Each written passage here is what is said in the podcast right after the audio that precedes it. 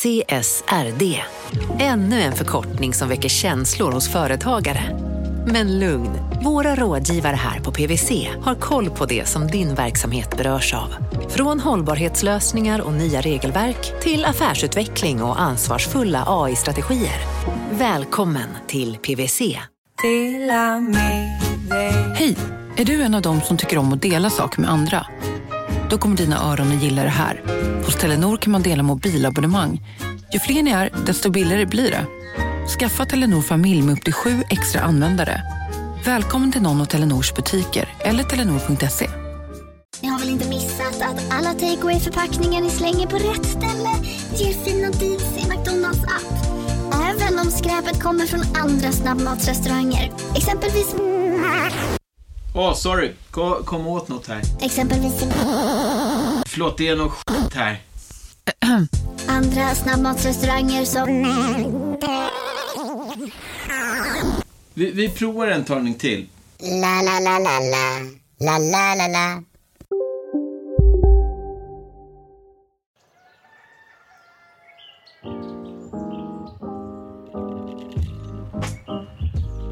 Från Monopol Media, det här är Kapitalet med mig Jakob Bursell. Och mig Åsa Släcker. Och med mig Gunnar Harjus. Och vi står i vårt nya torp där Monopol Media flyttade in för bara någon vecka sedan i Stockholm. Ni kanske sett bilderna som vi lägger upp på Instagram. Det byggs en del. Vad, vad bygger du? Eh, ljudisolering. Jag hoppas det, det hörs nog inte så mycket att vi, det enda vi håller på med just nu är ljudisolering för det här låter nog inte skitbra. Men det ska sägas att vi, vi har inte satt upp någon teknik än utan det här görs liksom med en sån handhållen mikrofon så att, sorry för ljudet. Men förr eller senare nu under sensommaren så kommer ljudet att återkomma till kapitalet. The Legendary Monopoly Studios tänker jag att det här kommer bli känt som med sitt underbara ljud som vi har byggt och liksom fixat själva. Sommarens program fortsätter. Eh, det är augusti och vi är inne i vår entreprenörsintervjuserie. Yes. Som inleddes eh, för två veckor sedan. Kul. Och eh, den här veckan så är det dags för tredje avsnittet. Och nu har vi träffat Breakit-grundarna, Ola Aronsson och Stefan Lundell. De grundade Breakit 2014. Breakit är ju en teknik tech-sajt, tror jag att de kallar sig. Det, det, det, nya näringslivet. De bevakar det nya näringslivet. Så de skriver om startups och investerare och riskkapital och sånt där. Har gjort det i flera år nu. Och har blivit ganska stora. Och vi undrade ju eh, eh hur det går för dem. Eh, varför man ville satsa på ett medievarumärke för fyra fem år sedan. Och hur någon ville investera i ett sånt företag för, eh, när det begav sig. Eh, och det ska vi prata om idag. Mm. Då kör vi.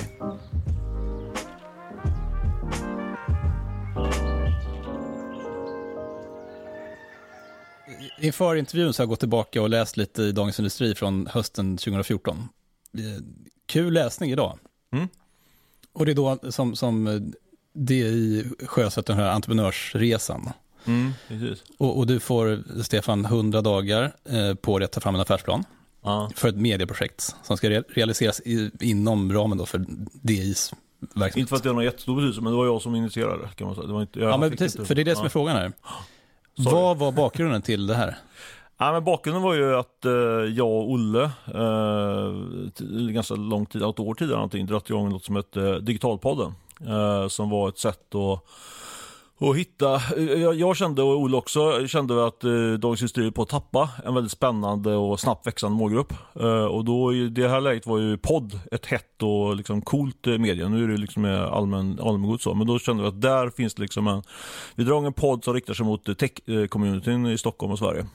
Eh, och det visade att det fanns, det fanns en stor målgrupp där. Eh, vi gjorde en undersökning som visade att det hade typ 50 000 lyssningar eh, på den där, vilket var mycket. Men det viktiga var att hälften av dem eh, hade ingen liksom, daglig relation till Dagens Industri. Eh, så då hade vi liksom hittat en ny spännande och vi visste också att de var väldigt attraktiva, liksom, mycket entreprenörer och handelsstudenter och sådär.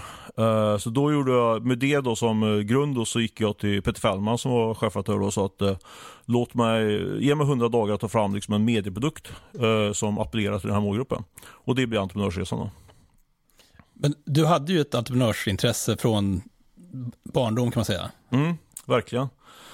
Jag var bland annat eh, stamgäst på eh, Ljungskiles eh, folk, folkbibliotek, vad säger man? Stadsbibliotek, nej, det var inget stadsbibliotek, kommunbibliotek och liknande. Och lånade en massa böcker om entreprenörskap och hade, gick alltid runt egentligen, inte all, men en stor del av min uppväxt gick jag fundera på nya affärsidéer. Men kom liksom aldrig till skott. Jag sålde ju lite grann lite läsk utanför någon Michael Jackson-konsert och så. Jag försökte liksom, tog sig stapplande steg, köpte sidenblommor som massa, samma, massa mm, skolor skulle sälja, det blev fiasko. Eh, och sådär. Så jag, jag var liksom, kom aldrig till skott. Och sen så rullade jag in i journalistiken och det blev mycket med, med, träffade ju sjukt mycket spännande entreprenörer som gjorde att jag blev ännu mer sugen på att göra, ta det här steget. Men, men jag fick liksom inte tummen ur. Och sen så till sist så kom det här då, den här möjligheten. Så det var väl eh, en eh, stjärna står rätt kan man säga då. Men jag har haft ett genuint entreprenörsintresse ända sedan, ända sedan.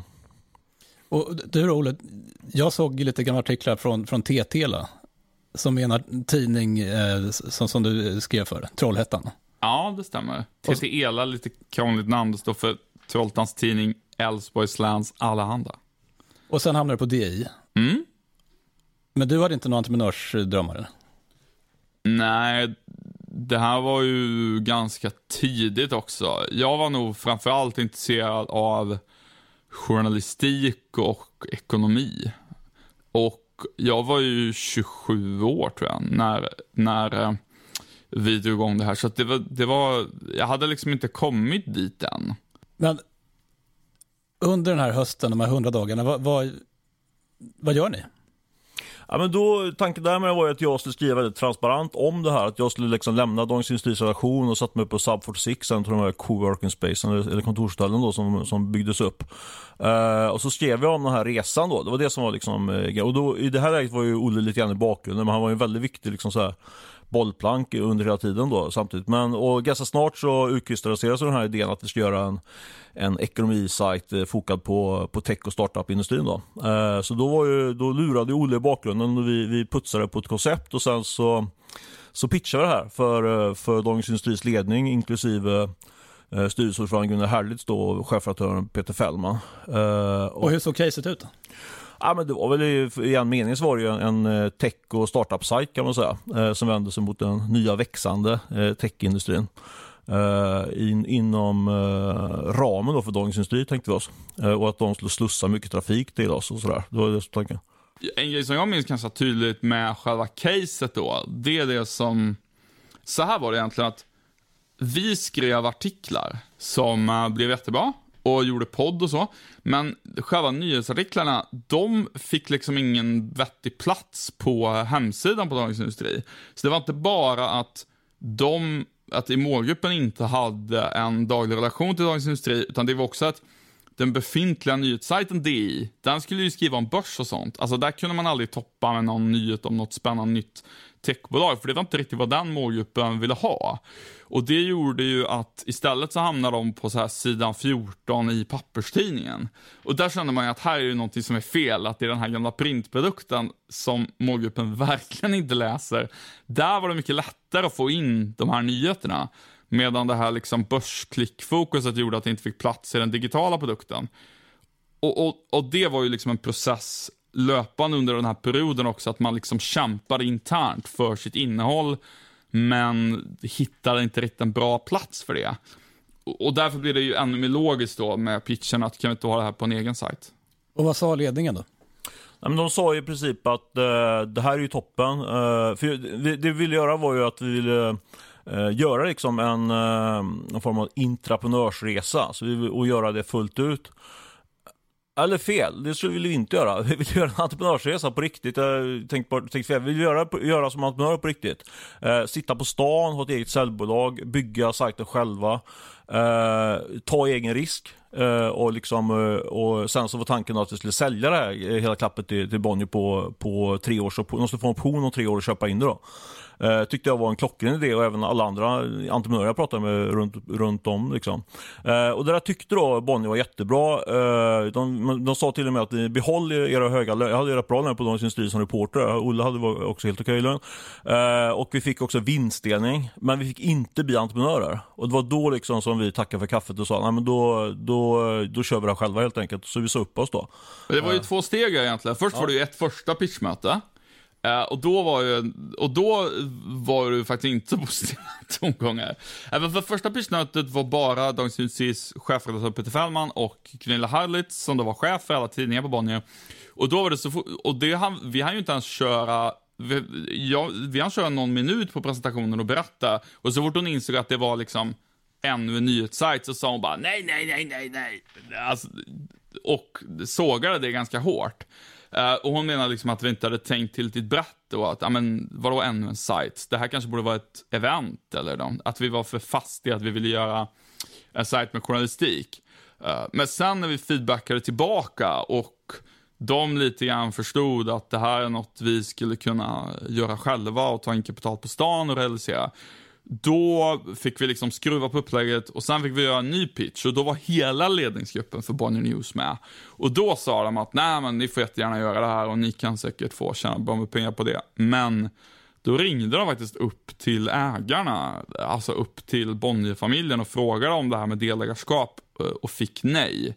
Eh, och jag tror mig också veta att ganska nyligen innan hade faktiskt grundarna till um, Tokaboka, eh, som är världsledande på appar för barn och så, eh, också har fått nej på något liknande. Det, det, är någonting jag har hört, ska jag säga. Ja, men, och det står faktiskt i Bonniers aktieägaravtal också att man måste vara av Bonnierblod, så att säga, för att få äga aktier i firman.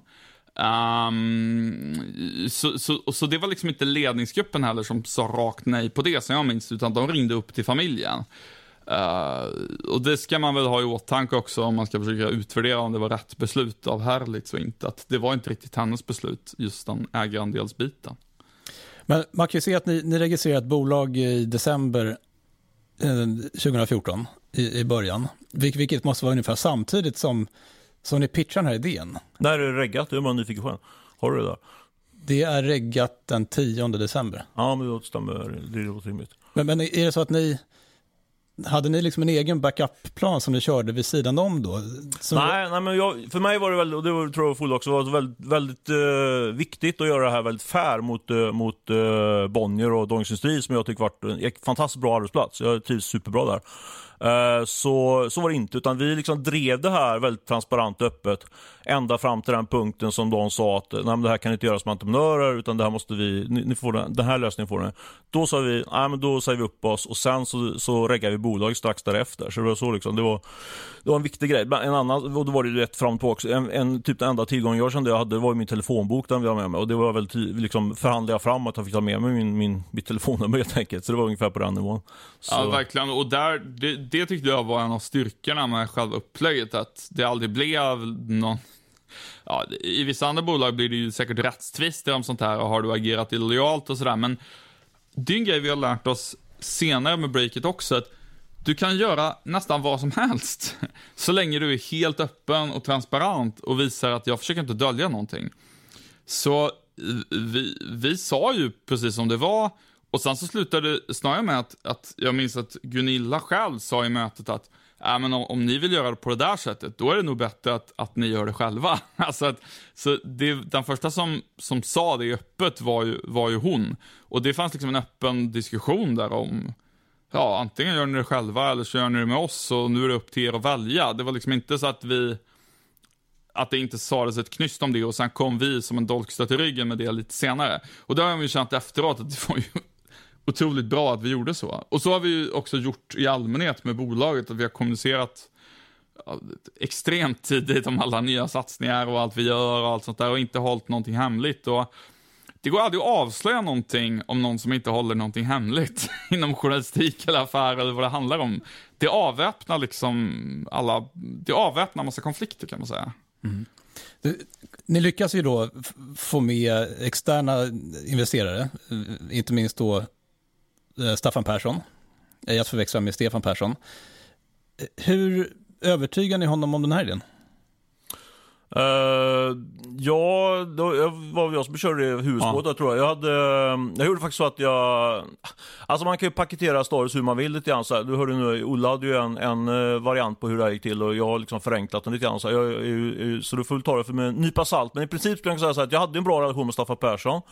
Eh, och eh, han ingick i mitt, eh, mitt PT-team kan man säga, när jag drog igång den här entreprenörsresan. Där jag hade liksom Sebastian Samukovsky på Klarna och, och bland annat Staffan då som liksom skulle coacha mig genom det här. Då. Och då var det rätt naturligt att jag tog med Staffan när jag skulle pitcha, när jag skulle lägga fram vår pitch för Bonnier då. Så du testade den på, på honom, den här pitchen. Eh, och i det pitchmötet liksom så kom det fram efter ett tag, när vi i slutet på mötet sa liksom, du, så kan förenkla allting och sen sa men okej, men vad ska vi, vad ska vi ha det här bolaget, eller hur mycket, vad som sätter för värde på det här bolaget liksom? 10 miljoner kan man ju alltid motivera, sa Staffan Persson då. Det var ju bara, det var ju bara jag och Olle en idé egentligen då. Och då sa liksom, men då måste du gå in, här har du karlan liksom. Och sen så eh, skrattade Staffan då liksom, så, så skakade vi hand på det då. Så han var ju, det gick väldigt lätt liksom, och på ett, ett möte kan man säga så fick, jag in honom som, ja, fick vi in honom då som investerare. Uh, jag vet inte om det var så frågan riktigt, men det var, så där gick det till ungefär.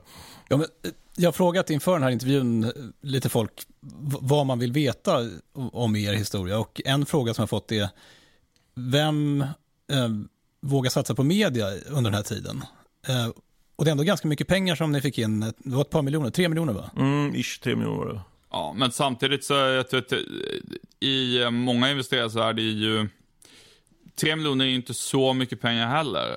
Till att börja med, men om man går tillbaka lite i den tiden så eh, på den tiden var det ju ganska många, eh, inte minst i USA, som ville satsa på medier. Det är då vi får de här eh, Vox eh, och Buzzfeed och um, Business Insider och The Information och, och, och, det gänget som i vissa fall tar in oerhört mycket riskkapital till offensiva satsningar på nya digitala medier.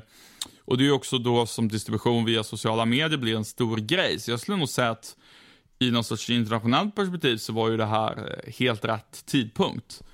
Uh, alltså vi... jag, håller, jag håller inte med där kan jag säga. Alltså jag tror ju, jag tror ju, alltså man kan absolut spela det, eller pitcha det på det sättet liksom. Men uh, min erfarenhet nu, vi har ju tagit in pengar flera rader, gånger och det är ju liksom att det är lite kul med breaket. Det är liksom så här, det är inte felräkningspengar för de här killarna som har gått in, men det är liksom inte så här, de tror inte att de kommer göra någon stor homerun på det. Uh, jag tror att Staffan, det har han sagt till mig också, att han ser det Eh, däremot ser han inte så binärt som man säger. Alltså vissa, om man, investerar pengar i ett, eh, liksom ett eh, riktigt techbolag, då är det kanske en på 25 att det blir något riktigt bra. Då kanske det blir 100 gånger pengarna, förenklat.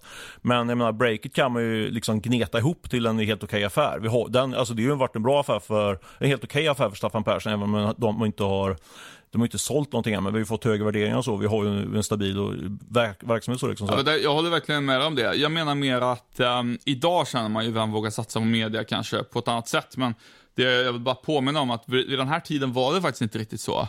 Utan det var, ja, men det var kit, lanserades och allt möjligt och, och vi har ju eh, gått bättre än nästan alla de svenska som lanserades då. Och även de här amerikanska satsningarna har ju många av dem gått åt skogen sen, alltså Vox och det här. Men på, på den tiden var det inte alls den känslan kring det. Apropå frågan, vem vågar satsa på media? Sen håller jag med om att jag tror inte att det var Staffans bevekelsegrund. Men, men det var ett annat klimat då. Mm. Och hur såg planen ut då?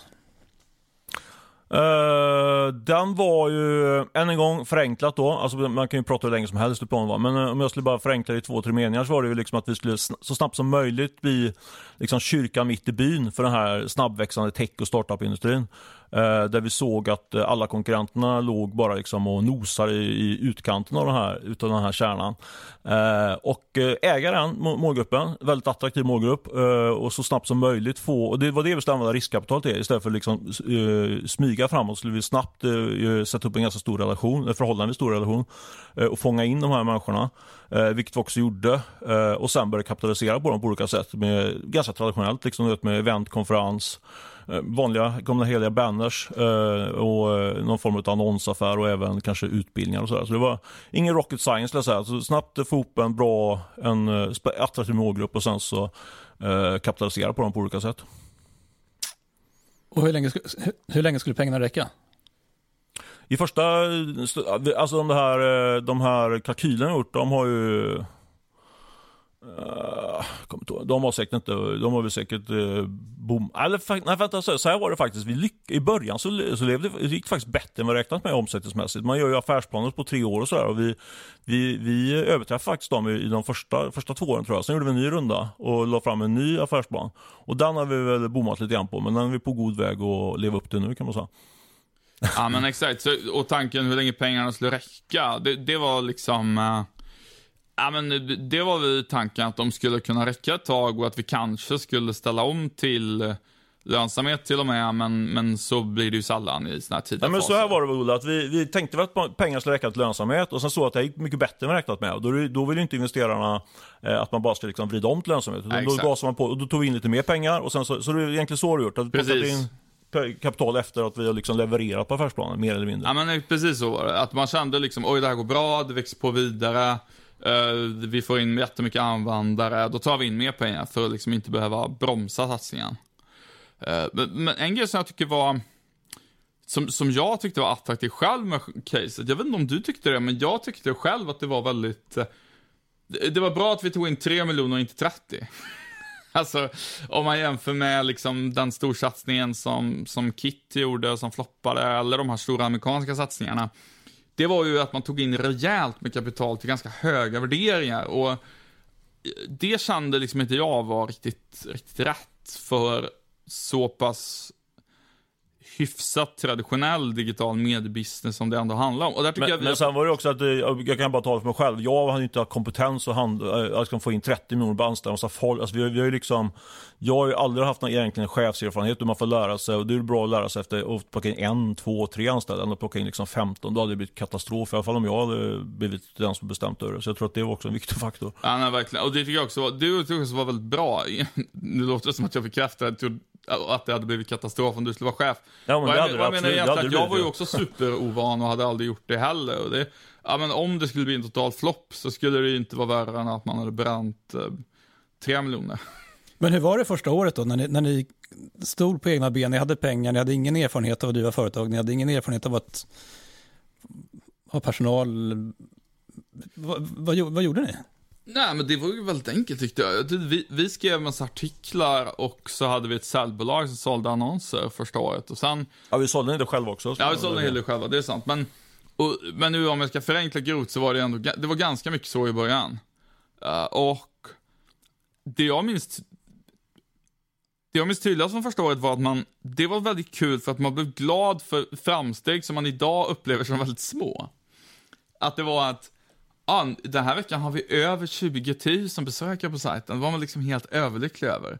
Första gången det var en internationell affärssajt som länkade till oss blev man helt överlycklig över. Kristina Stenbeck vill bli, liksom, äh, vill bli intervjuad av oss, blev man helt överlycklig över. Sen så senare blev man så ja ah, det här, det är väl ingenting. Liksom, då, då är det direkt att man, mm, att man liksom tecknar in att det är väl självklart att vi har massa trafik, men det, det var kul. Varje vecka nästan var det liksom, man får in en ny affär var liksom, nu är det så här, ja, det kommer affär hela tiden. Lite grann. Men, men eh, om jag skulle, från mitt håll, så om man, om man tänker liksom att det ska prata lite grann om hur det är att driva bolag, entreprenörskap och så, så tycker jag det var en jätteutmaning, eh, alltså eh, relationen mellan mig och Olle. Liksom. Alltså, vi, vi hade ju pratat igenom eh, mycket innan vi satte igång, eh, och vi hade liksom, för att reda ut vad olika roller och så. Men eh, mycket på grund av mig så blev det ju massa konfrontationer liksom, för att jag hade ju liksom ingen erfarenhet hur man ska, hur man ska leda och driva. Liksom, jag är väldigt så här, eh, jag är inte, jag är inte konflikträdd kan man säga, utan jag liksom eh, snackar rätt ut. Jag kommer ihåg ett, ett tillfälle när vi, när, vi, eh, när vi stod och skällde på varandra, det var säkert jag som började, och så, så, så sa en, en annan som satt i hörnet där liksom att eh, ni kan inte gå ut i rummet liksom så här. Man vill inte höra när ens föräldrar skäller liksom så här. Så det, var, det var en liten ögonöppnare för mig. Jaha, just det. Det låter ju helt extremt att jag inte ens tänker det. Så, men liksom, jag var ju extremt eh, naiv och okunnig i allting vad som hade, hade med ledarskap att göra. Liksom. Eh, så eh, det var ju sjukt kul att driva upp breaket rent journalistiskt, men det var ju, för mig har det varit utmanande rent så här, liksom, entreprenörsmässigt. Eh, framförallt liksom, den här ledarskapsdelen. Säljdelen har jag alltid haft ganska lätt för att tycka om att jobba med den typen av Men liksom, det här med att nu ska jag bli en ledare för det här, det var ju liksom ingenting som jag hade ens reflekterade över. Och det kan vara ett bra tips om man drar igång en företag, att man ska fundera på det lite grann. Men, men, men hur såg affären ut här i början? För att eh, på senare år så har ni adderat event och den här premiumtjänsten och sånt. Mm. I början var det ju vad jag från en annonsaffär i höger. Nej, men egentligen var det så att eh, när vi drog igång, eh, då hade vi faktiskt redan sålt in en del eh, event faktiskt. Vi, var bland annat i Almedalen första året. Och då hade vi sån liten verksamhet, så då var det ganska viktigt om intäkterna. Jag kommer inte ihåg några siffror, men det var ett par hundratusen vi fick in liksom där. Och det var, du vet, när vi bara var två, tre stycken så var det ju fina pengar. Så jag skulle säga att vi, hade en bra, vi fick liksom en väldigt bra start in i, i, i en Personal för att vi lyckades, hade lyckats sälja in till ett par större kunder. Vi jobbar med Telia också med, med ett, eh, ett event och sådär. Eh, För i början hade vi ingen trafik så det gick inte att sälja någon annons. Alltså det var ju, det var ju liksom ingenting, det var bara tusenlappar i början. Så då var det väldigt skönt att ha, då var det egentligen tanken först att man skulle ha riskkapital att leva på men då hade vi lyckats sälja in lite affärer då. Eh, Så det var nog, eh, sen växte ju annonsaffären. Eh, Så han, det, jag, jag vill inte säga att det var en kombination av av hela tiden konferens, event och annons, eller? Jo, nej, men jag håller med. Och, då, och framförallt just det att det tycker jag talar återigen för det här med att det var bra att vi inte tog in 30 miljoner. Alltså just att det var ju lite, vi gjorde något event ihop med Telia och fick in en ganska bra intäkt på det. Det var ju lite konsultigt där också första halvåret bara. Och enligt klassisk riskkapital startup-skola så alltså, ska man ju inte jobba så, utan man ska ta in kapital, leva med förlusterna, fokusera 100% på sina egna produkter. Men jag tror inte vi hade det i oss 100%. Vi var lite mer jordnära och tyckte liksom att, jo men vi har det här riskkapitalet, men eh, gör vi de här lite mer liksom konsultiga eventgiggen också, då får vi lite mer tid att klura ut vad det är vi ska hålla på med. Och, mm Alltså riskkapital var, det var ju liksom bara en skön, eh, liksom, eh, vad säger man? Inte ryggs, ja men liksom en, en krockkudde liksom. Och det gick riktigt dåligt. För som jag minns det slog vi, hade vi positivt kassaflöde i början. Sen, ja, så, sen, började vi, sen började vi bränna lite grann pengar i slutet på året där. Men det var ju, nej jag, det, det gör väl alla, men jag älskar att göra vinst liksom. Jag tycker det, det, det, det har man ändå rygg, och det vet jag att Staffan och de gillar. Det, alltså de, de, de identifierade det hos oss, att vi liksom inte var så att vi bara skulle plocka in oss. Jag tror inte det är så många som bara plockar in pengar och bränner, det tror jag faktiskt inte. Men, men, men liksom, vår modell är ju inte att vi ska bygga någon fantastisk revolutionerande produkt, utan vi, så därför måste vi ganska snart dra in pengar. Liksom. Ja, men, och det, och jag tror det är viktigt att liksom ha med sig det att under den här, nu tog vi in kapital innan sajten var lanserad. Men här blir det ju snarare som att under det här första halvåret när vi ändå var kassaflödespositiva och liksom testade modellen och inte visste om det skulle flyga överhuvudtaget. Då gjorde vi egentligen inte av med riskkapitalet. Och om man ser tillbaks på det så kan man ju säga att det hade varit ganska bra om det hade blivit en total flopp. Där hade liksom inte ens bränt några pengar. Utan det var snarare att vi började göra av med riskkapitalet när vi såg att okej, okay, nu kommer det in massa användare här. Då, då, då är ju, man kan säga experimentet och hypotesen visar att okej, okay, det fanns någonting här. Mm. Då började vi lite grann, skiter vi och göra så mycket konsultgig och vi anställde folk och, och och, och, det är egentligen så alla gör i startups. Men skillnaden är att man gör det där lite um, födkrokgrejerna innan man tar in första rundan. Men till skillnad från de flesta andra tog vi in första rundan innan det ens fanns en produkt. Så brukar man inte göra. Men, mm. Så på så vis tycker jag att det, det liknar egentligen hur bolag brukar vara. Men första kapitalanskaffningen var ovanligt tidig kan man säga. Mm. Du har ju sagt, eh, Stefan, att ni ska vara kyrkan mitt i byn. Och, och, och, ni ska bevaka den här techscenen. Samtidigt så har ni varit en del av, av techscenen, eller ni har åtminstone haft liksom en är av att vara en del av den här techscenen. Har, har det varit ett problem på något sätt att varit, varit en del av branschen som ni också har bevakat? För att så stort är det väl inte? Ja, rent, alltså rent, eh, vad ska man säga, teoretiskt kan det vara problem liksom. Men, eh, men det handlar ju mer om mer gammal hederlig journalistik så att säga. Vi jobbar ju med jag och även Olle har ju liksom alltid propagerat att man ska bygga nätverk och kontakter och relationer. Eh. Vi sponsras av Storbrand Asset Management som ju förvaltar över 1000 miljarder norska kronor, bland annat för SPPs eh, många pensionssparare. För två år sedan så investerade Storbrand i drygt 60 tåg, alltså tågvagnar, eh, som rullar mellan London och Skottland. De leasar sen de här tågvagnarna till tågoperatören som alltså kör tågen och säljer biljetter och sånt eh, med ett avtal på 27 år. Så britterna får nya fina tåg och Storbrands kunder, eh, däribland alltså SPPs pensionssparare, får en inflationsskyddad avkastning med låga risker under lång tid. Det här är ett av supermånga exempel på hur pensionskapitalet i växande omfattning bidrar till att bygga samhället och inte minst till att klara klimatmålen. Det behövs elproduktion, elnät, batteriparker, nya transportlösningar och allt möjligt.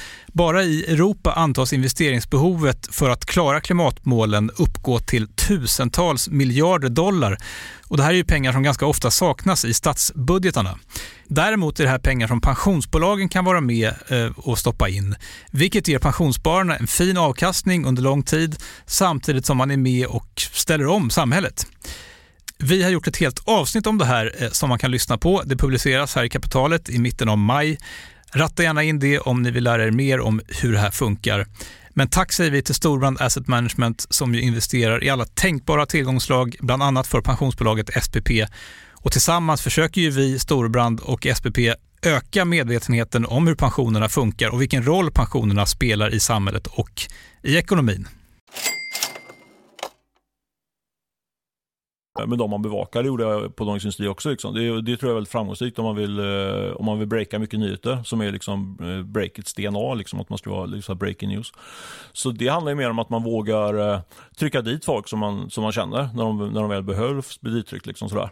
Men sen är, är inte jag mer en människa, liksom, att det är klart att eh, relationer påverkar på något sätt. Jag tror inte man är robotar så, liksom. men man får ju försöka hålla sig så professionell som möjligt liksom, till det. Alternativet är att man står helt utanför och då får man ju inga bra nyheter. Vi alltså våra uppdragsgivare är ju läsarna och de vill, de vill ha så bra content som möjligt och det får de, tror jag, på det arbetssättet. Så nej, jag har inte tyckt det varit något problem med praktiken faktiskt.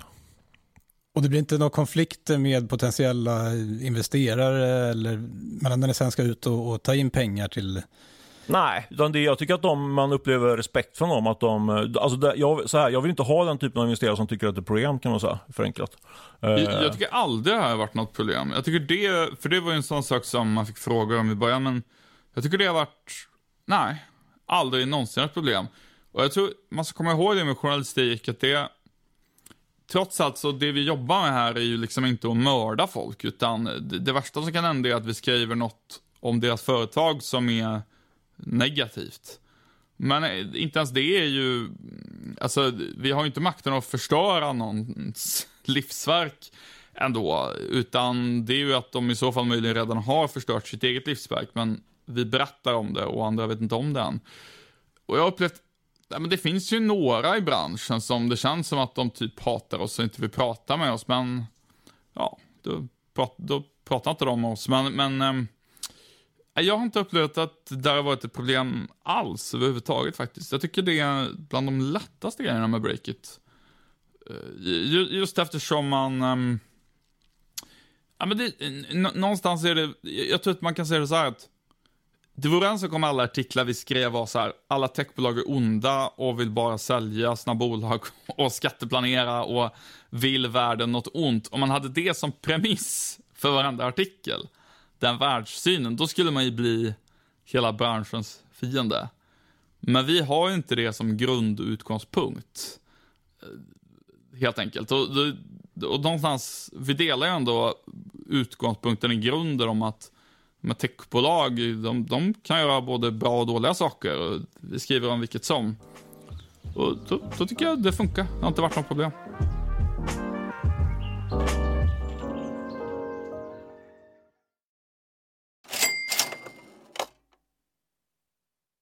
Kapitalet sponsras av Master Exchange, plattformen där du som privatperson kan investera i låtar och får pengar varje gång de här låtarna spelas. Eh, vi berättade ju senast eh, om barnlåten Puff the Magic Dragon som noterades av Master Exchange under våren. Nu har utdelningen på den låten kommit, eller royaltyn som vi säger i musikbranschen. Eh, den ligger på drygt 12% i årstakt och det här är ju en avkastning som är helt okorrelerad till börsen. Till och med Goldman Sachs har börjat skriva om just musik som investering just ur det här perspektivet. Nu finns en möjlighet att investera i en ny låt. Eh, låten heter Boss Bitch och den är av Doja Cat eh, som, eh, alltså jag ska inte säga att jag är superdeep här men eh, det är ändå en, en, person som jag vet om det är. En, en världskändis. Den här låten gav baserad på förra årets spelningar en avkastning på drygt 13% Master Exchange har just nu en väntelista på registreringar. Det, det går lite för bra för dem kan man säga. Men Skriver ni in kapitalet som promo code så kan ni runda kön och ansöka om andelar i låten Boss Bitch ändå. Om ni investerar helt vanliga pengar, det är inget krypto eller sånt där, så vill du investera i musik och få en avkastning som är helt okorrelerad med börsen och kanske inte minst för att det är kul att äga låtar, eh, så kan man gå in på masterexchange.com och använda kapitalet som promo code så går man alltså förbi kön. Kom ihåg dock att alla investeringar är förenade med risk, men vi säger stort, stort tack till Master Exchange. Kapitalet sponsras av Karla, Jakob. Ja, bilar igen. Ja, det är härligt. På Karla kan man sälja sin elbil eh, på det gissningsvis smidigaste sättet i Sverige. Eh, Karla har ju ett nästan ett komiskt högt användarbetyg på Trustpilot. Mm. 4,8 av 5, vilket jag typ aldrig hört talas om. Nej, det är väldigt, väldigt högt. Eh, man knappar in lite info om bilen på sidan, sen får man en gratis värdering och ett bud.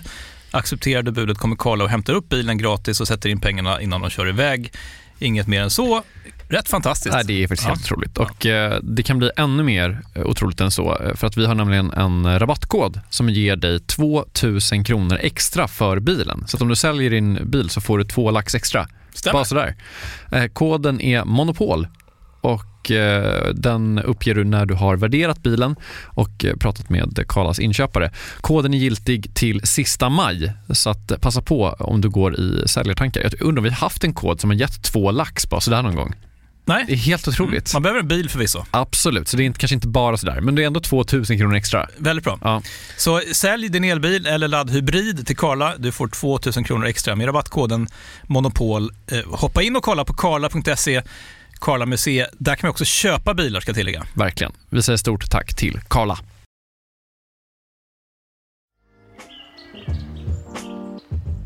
Det här har också varit en tid de här åren med, med extremt låga räntor och man har fått se ett rejält uppsving för hela tekniksektorn och det har varit, blivit poppis att driva eget och det har funnits entreprenörer överallt. Men du Stefan, du har ju varit journalist i över 20 år och du har sett flera liksom, toppar och dalar. Hur, hur, har det varit för dig att bevaka det här? Har, har det känts som att det är på riktigt allting? Nej, men det har varit mycket déjà vu-känslor från IT-bubblan 2000. Liksom. Och det, var väl, det var, tror jag, nästan var den största eh, liksom, affärsrisken som vi identifierade innan. Att det här bara är en, en hype liksom, som kommer... Eh, som, eh, eller så här, vi, var helt ut, vi var helt inne på att det här är i alla fall en värderingsbubbla som förr eller senare kommer spricka. Men däremot så har vi, hade vi en, och har en grundsyn på att eh, eh ny teknik och digitaliseringen är liksom här för att stanna och är, och är något liksom gott för samhället, något som kommer bygga mycket värden. Eh, men det vi var rädda för, eller som jag i alla fall var rädd för, det var att man eh, blir för mycket associerad med, med tech. Liksom. Eh, jag var med och drev en tidning som hette Vision eh, här i början på 90, 90, 90, slutet på 90-talet och in på 2000-talet. Och de blev ju liksom så här, den nya ekonomin, eller vi blev den nya ekonomin. Och sen när, när det kraschade, den nya ekonomin, då var det ju, då ville ju liksom ingen, nu förenklat igen, men då ville ingen bli associerad med den tidningen längre. Uh, så det tyckte jag var eh, ett, en risk. Uh, men sen tycker jag att det har visat sig att eh, den här värderingen, det har kommit värder sättningar liksom värderingar alltså och sen har de tagit fart igen och sådär. Men, liksom, men eh, som sagt digitaliseringen den är ju här för att, för att stanna liksom och det berör hela näringslivet. Så det, det innebär att vi kommer att ha, breaket kommer att ha ett existensberättigande under hundratals år. När ni hade kommit in några år i den här på den här resan, så ni, ni tar in mer pengar efter ett år eller två, eh, läste jag. Är, är ni liksom på, på, är ni rätt, på rätt riktning då? Eh, är ni där ni ville vara från början eller hade det varit svårare eller, eller lättare? Jag tycker det har varit lite lättare faktiskt. Om man går tillbaka. Just att, att komma till det här att, att vi skulle vara kyrkan mitt i byn och liksom bli nyhetssajten nummer ett och ett superstarkt varumärke just bland techbolagen det trodde jag faktiskt skulle vara svårare att nå den positionen. Uh, utan um, utmaningen tyckte jag var mer, mer känd faktiskt. Mm. Ni vinner ju guld, äh, ni ska säga, era medarbetare vinner Guldspaden 2018. Man granskar cykelbuden som kör runt mat, eh, Foodora heter de väl? Och Eats mm. framförallt. Eh, en otrolig framgång måste det ha varit för er. Samtidigt så skriver du, Olle, att 2018 var det tuffaste året någonsin eh, i en krönika i Breakit. Eh, det året så omsätter ni mycket pengar, nästan 14 miljoner, men ni förlorar mycket pengar också, vilket kanske var enligt plan. Men vad, vad var det som var så besvärligt? Första fem miljoner tror jag måste vara. Ja. Vad var det som var så svårt då? Nej, det, det handlar om eh, egentligen att eh, skala till nästa nivå var svårt. Och det är väldigt typiskt tror jag för många uppstartsbolag att, att det är två olika saker. Det ena är att liksom bekräfta en hypotes, att finns det någon efterfrågan här överhuvudtaget? Ja, men sen är frågan hur långt man kan skala upp den modellen man har fått bekräftat att den funkar. Och i det fallet så handlar det om att vi hade en modell där vi eh, sålde delvis själva, men det mesta sålde ju vårt säljbolag och allt liksom byggde någonstans på att eh, växer vi i trafiken så kommer annonsintäkterna fortsätta öka. Eh, men det vi märkte där då var ju att det inte riktigt blev så, utan dels behövde vi lägga till eh, nya intäktsben, alltså satsa mer på event och ja, nu har vi ju prenumerationer också. Men också att vi själva behövde bygga som ett eget litet säljteam för att kunna skala vidare. Varför då? Ja, men egentligen för att um, Eh, det är superbra att jobba med externa säljbolag för att sälja lite mer standardiserade produkter. Bannerannonser skulle vara det mest typiska inom online-annonsering för publicister.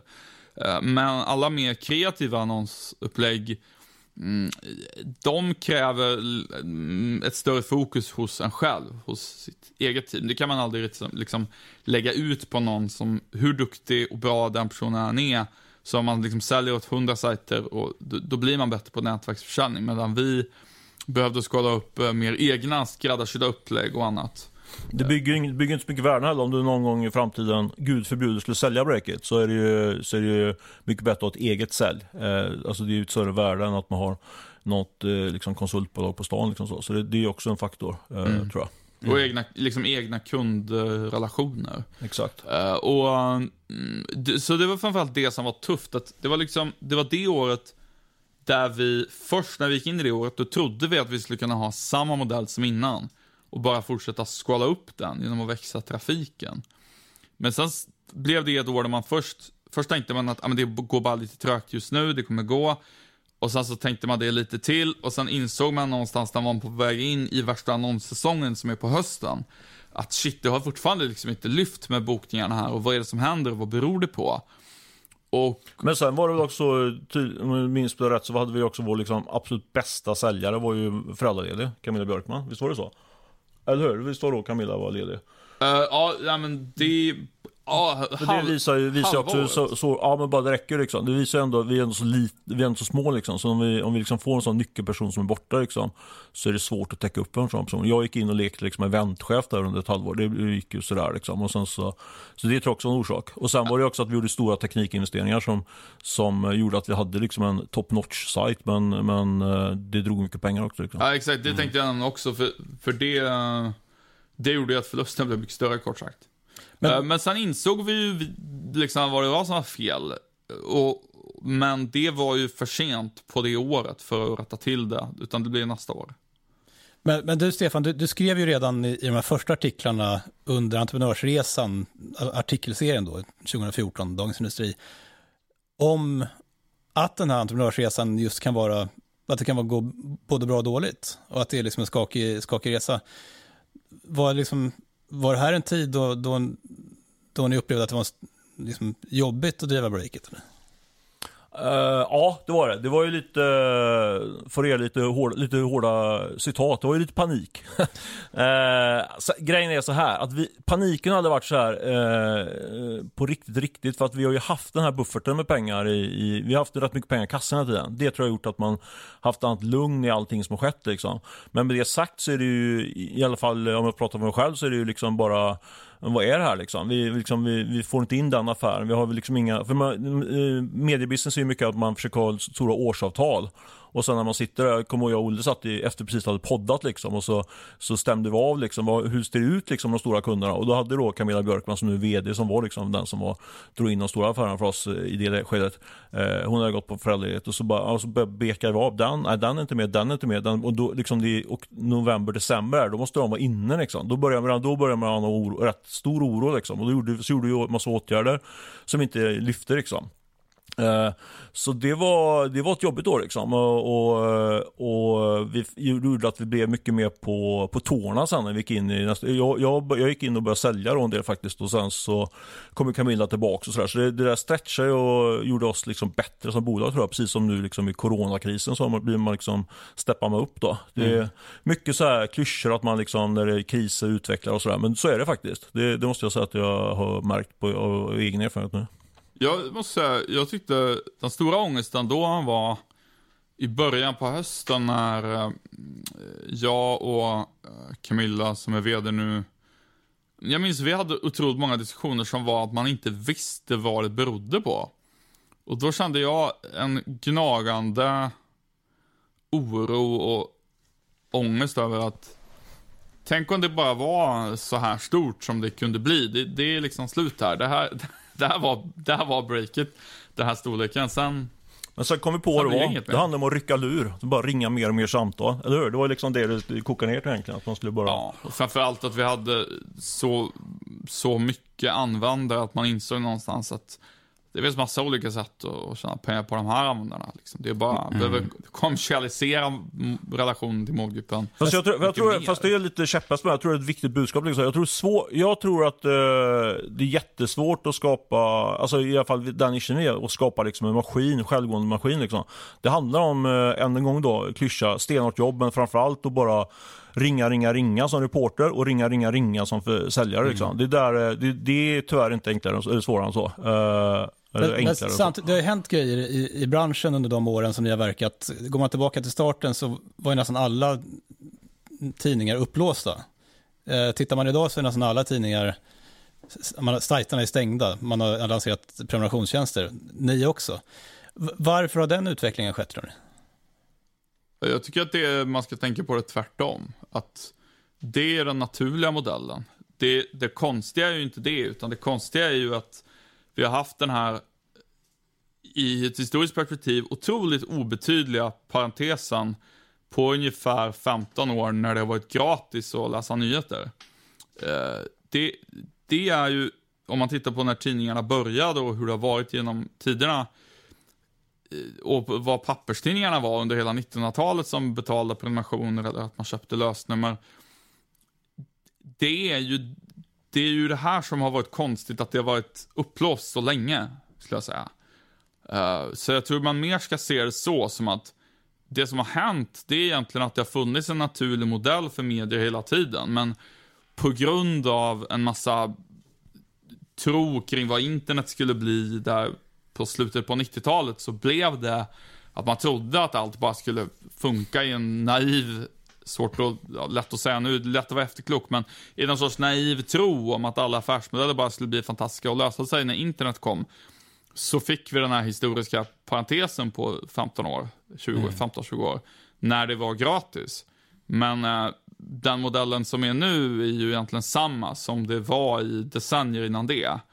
Eh, och det visar väl sig helt enkelt att det, det är en modell som funkar utmärkt för den här branschen. Men det är värt att tillägga att modellen innebär inte att man bara tjänar pengar på prenumerationsintäkter utan det är fortfarande kommer ju annonsintäkter vara en bärande del i medieaffären. Liksom. Eh, vi, alltså vi kan ju leverera konkreta och bra, mycket bättre leads än, än många av de här stora amerikanska techjättarna för att vi har den här exklusiva målgruppen som vi har en bra relation med. Så det tror vi, och, och då utbildning och konferens och sådär. Så det är inte bara att, vi att, att mediebolag kommer tjäna pengar på. Ja, men Tror- verkligen. tror jag inte du menar Ja, men jag menar, ja, men, ja, men, nej, ja, precis. För under tidigare på 1900-talet var det inte så heller, utan det var ju en mix av Mm. annons och prenumerationsintäkter även på 80-talet, 70-talet, 60-talet. Så att, jag, jag tror det, det är många grejer som är, nu pratar man om att ja, det är som mediekris och bla bla bla.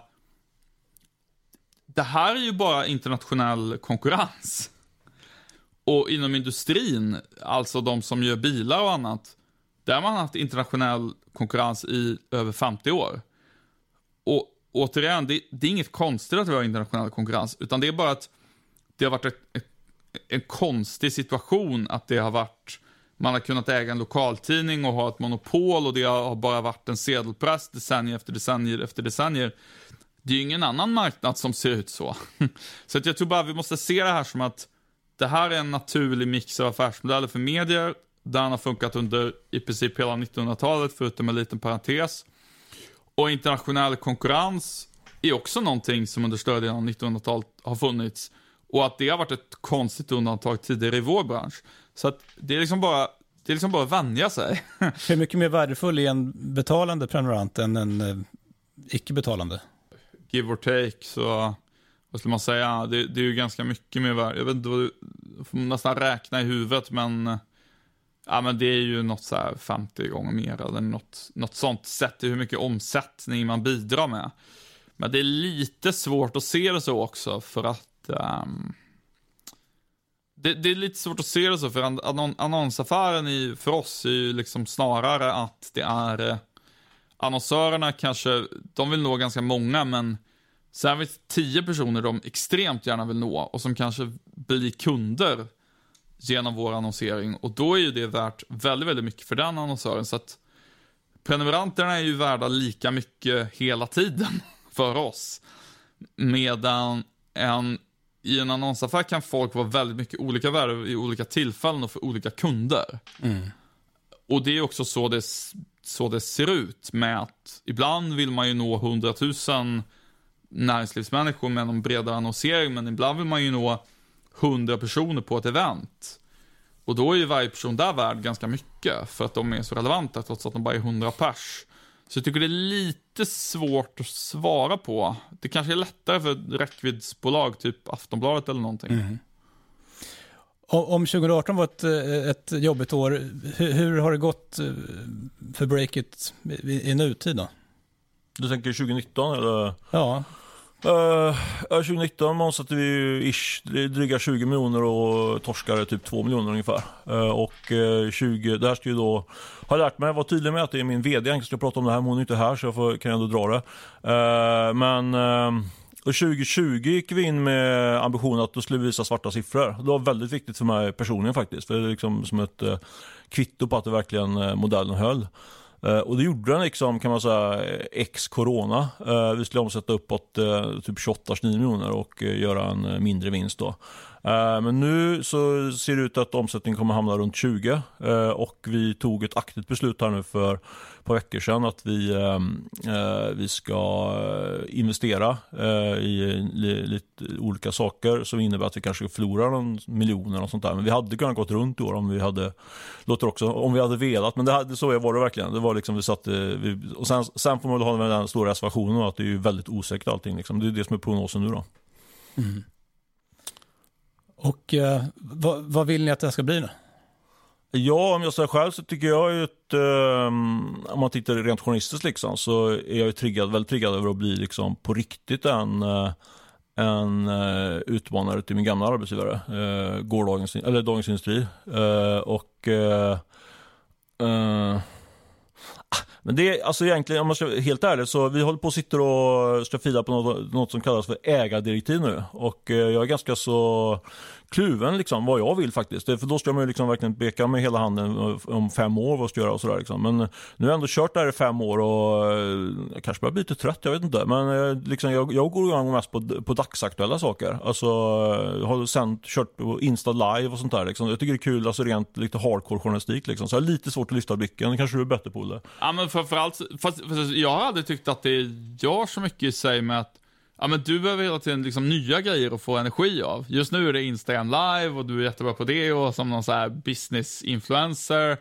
Och sen om tre månader kommer det vara något annat som du får ny energi av. Så det var som tredje gången, men Eh, eh vi håller på med nya ägardirektiv nu. Det, det, det ska bli väldigt kul. Jag tänker mycket mer att, jag upplever det som att Breakit har Eh, testat massa olika saker. Det har varit jävligt kul. Vi har provat daglig podd, vi har provat eh, och nu gjort eh, Eh, livesänt event eh, 24 timmar i sträck och hur mycket olika saker som helst. Men kärnan är där vi har en edge och det vi är bäst på. Det är att vi är bäst på techbolag och startups. Och jag känner allt mer att, att um, jag, jag skulle tycka det var, jag vill att vi bara ska bli ännu bättre på att ta hand om den här kärnan, för kärnan växer ju hela tiden det är ju, alltså techbolag och startups får ju bara mer och mer anställda och knaprar till sig en allt större del av näringslivet. Och vi märker ju på liksom unga elitstudenter och så att de läser ju oss i mycket högre grad än, än äldre affärspress och sådär. Så jag skulle säga att det jag vill att det ska bli, det är att ja, men jag vill att vi ska vara brutalt överlägsna på techbolag och startups och verkligen befästa och expandera vår position som kyrkan mitt i byn där. Men sen tror jag att samhället kommer förändras. Så att det som vi idag ser som den här lilla nischen vid sidan av, den kommer ju bli en allt större och viktigare del av totalen. Och det tar ju tid, men det ser ut att gå i den riktningen ändå. Um, och så det är, så jag, det är nog så jag ser på det. Att det, det låter som att det är liksom en liten nisch idag, men breaket kan bli den mest, den mest relevanta nyhetskällan för en allt större del av näringslivet bara i kraft av att verkligheten förändras. Um, och det tycker jag känns uh, jäkligt triggande. Uh, Stefan, några slutord nu då?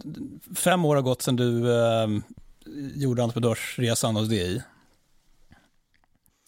Uh, och, och, och, lika många år sedan ni startade Breakit. Hur skulle du sammanfatta de här åren? Uh, har du? Det var en bra fråga. Uh, det var, hur ska jag sammanfatta, första klippa här så det blir lite mer kortare rapp. Men vad ska jag säga, det vart en, uh, det vart en uh, väldigt energirik och kul resa. Uh, fan vilket tråkigt svar. Vad ska jag säga riktigt? Nej, men hur var resan? Men vad, vad känner du? Uh, just nu, fredag eftermiddag, känner jag mig ganska matt. Jag har precis uh, skrivit massa, en krönika och så vidare. och så vidare. Men om man lyfter blicken så tycker jag att uh, fasen vad vi ändå har presterat bra journalistik den här tiden och uh, ändå gjort skillnad i, i det lilla. så. Uh, och jag känner att det här svaret är sjukt tråkigt. Jag, jag kommer inte på något bra svar. Så vad fan ska jag säga på det, på den svara, frågan? Men har det motsvarat dina förväntningar? För att mycket av det, mycket, essensen i den här krönikan som du ja. skrev eh, i september 2014, det var ju att du hade varit mycket snack men ing, och liksom ingen verkstad. Ja. Du hade drömt om att bli entreprenör. Ja. Men nu efter fem år så är du ju entreprenör. Ja. Ja, men fair. Nu tror, jag, nu tror jag, det var bra att du ledde in mig lite grann på det. För, för det tycker jag är nästan roligast med hela breaket tror jag. För man, man har varit liksom, jag har verkligen inte mot folk som är tjänstemän. Det låter så, här, det, är så, det är så roligt, ja du är tjänsteman, han är entreprenör, hej och hå liksom. Men, men man bort, så, jag har liksom varit, uh, jag har ju ändå varit tjänstemannajournalist och träffat alla de här entreprenörerna och hört deras stories liksom. Men jag tycker jag har faktiskt utvecklats grymt mycket som journalist genom att göra grejerna själva liksom. Alltså, själv, jag har tagit in kapital, jag har rekryterat folk, jag har fattat vikten av vision och, och och, och företagskultur. Och det tycker jag har varit, eh, faktiskt när jag blickar tillbaka, det har varit den stora eh, vinsten eller det som För man, jag vill, man vill ju alltid utvecklas, jag vill alltid utvecklas liksom. Och det har ju varit väldigt utvecklande för mig yrkesmässigt och även eh, personligt. Så det skulle jag säga är det viktigaste i, på, de här, eh, på de här åren. Sen hoppas jag bli väldigt rik också, men det har jag inte blivit än. Vad är breaket värt idag?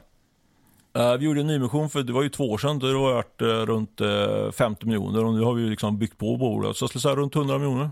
Lågt räknat. Det är bra. Ja, det känns bra. Absolut. Se om någon vill köpa den nivån också, det vet vi inte. Men, ja. Nej, men det, jag tänkte på det att jag tror att jag tycker att det roligaste är att rätt många mediesatsningar som lanserades för några år sedan har ju floppat. Och det är ju det är ju inget jag är glad över på något sätt att de gjorde, men i vårt fall så, jag tycker det känns grymt häftigt att vi, oavsett exakt vad breaket blir, om det säljs för 100 miljoner eller, ehm, eh, eller blir någonting annat, så har ju vi, vilket är väldigt sällsynt, lyckats bygga eh, en, en, ett riktigt nytt, en ny publicist, helt digital, ett helt nytt medievarumärke i Sverige som funkar och som har blivit ett riktigt företag och klarar sig själv. Uh, och, och det, sådana växer ju faktiskt inte på träd. Och, och, det tycker jag är häftigt. I synnerhet kanske för att mediebranschen när jag kom in i den sådär efter finanskrisen var ganska mycket att man skulle gå med mössan i hand ungefär till de här direktörerna på de stora koncernerna och tigga av dem att man skulle få jobba hos dem. Tyckte jag kändes jäkligt oinspirerade att de här gubbarna skulle, ja men det var liksom bara, kom igen. Det, jag tänkte liksom inte gå där och bara jobba för dem. Um, och, och, det tycker jag känns jäkligt kul, att det funkade. Och det hoppas jag att fler i den här branschen vill hålla på med. För, för jag tror att det, att det kommer gå.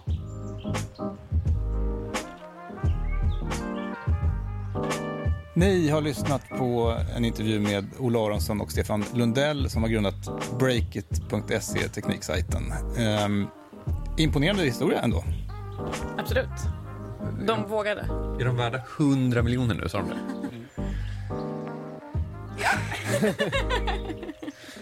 Kul för dem. Ja, men det blir jättespännande att se eh, hur det fortsätter och eh, eh, hur stort det kommer bli. Och som man förstår eh, av intervjun så är deras dröm att kanske konkurrera på allvar med eh, deras gamla arbetsgivare, Dagens Industri. Och eh, ja, det är kanske inte är helt omöjligt. Stort tack för att du lyssnade. Man kan gå med i styrelsen, lyssna på Kapitalet utan reklam. Det kostar 49 kronor i månaden. Kapitalet.se support. Vi som är i programmet är jag, Jakob Bursell och Gunnar Harrius och Åsa Secker. Kristoffer Krook har gjort slutmixen. Vi hörs igen om en vecka. Hej då. Hej då.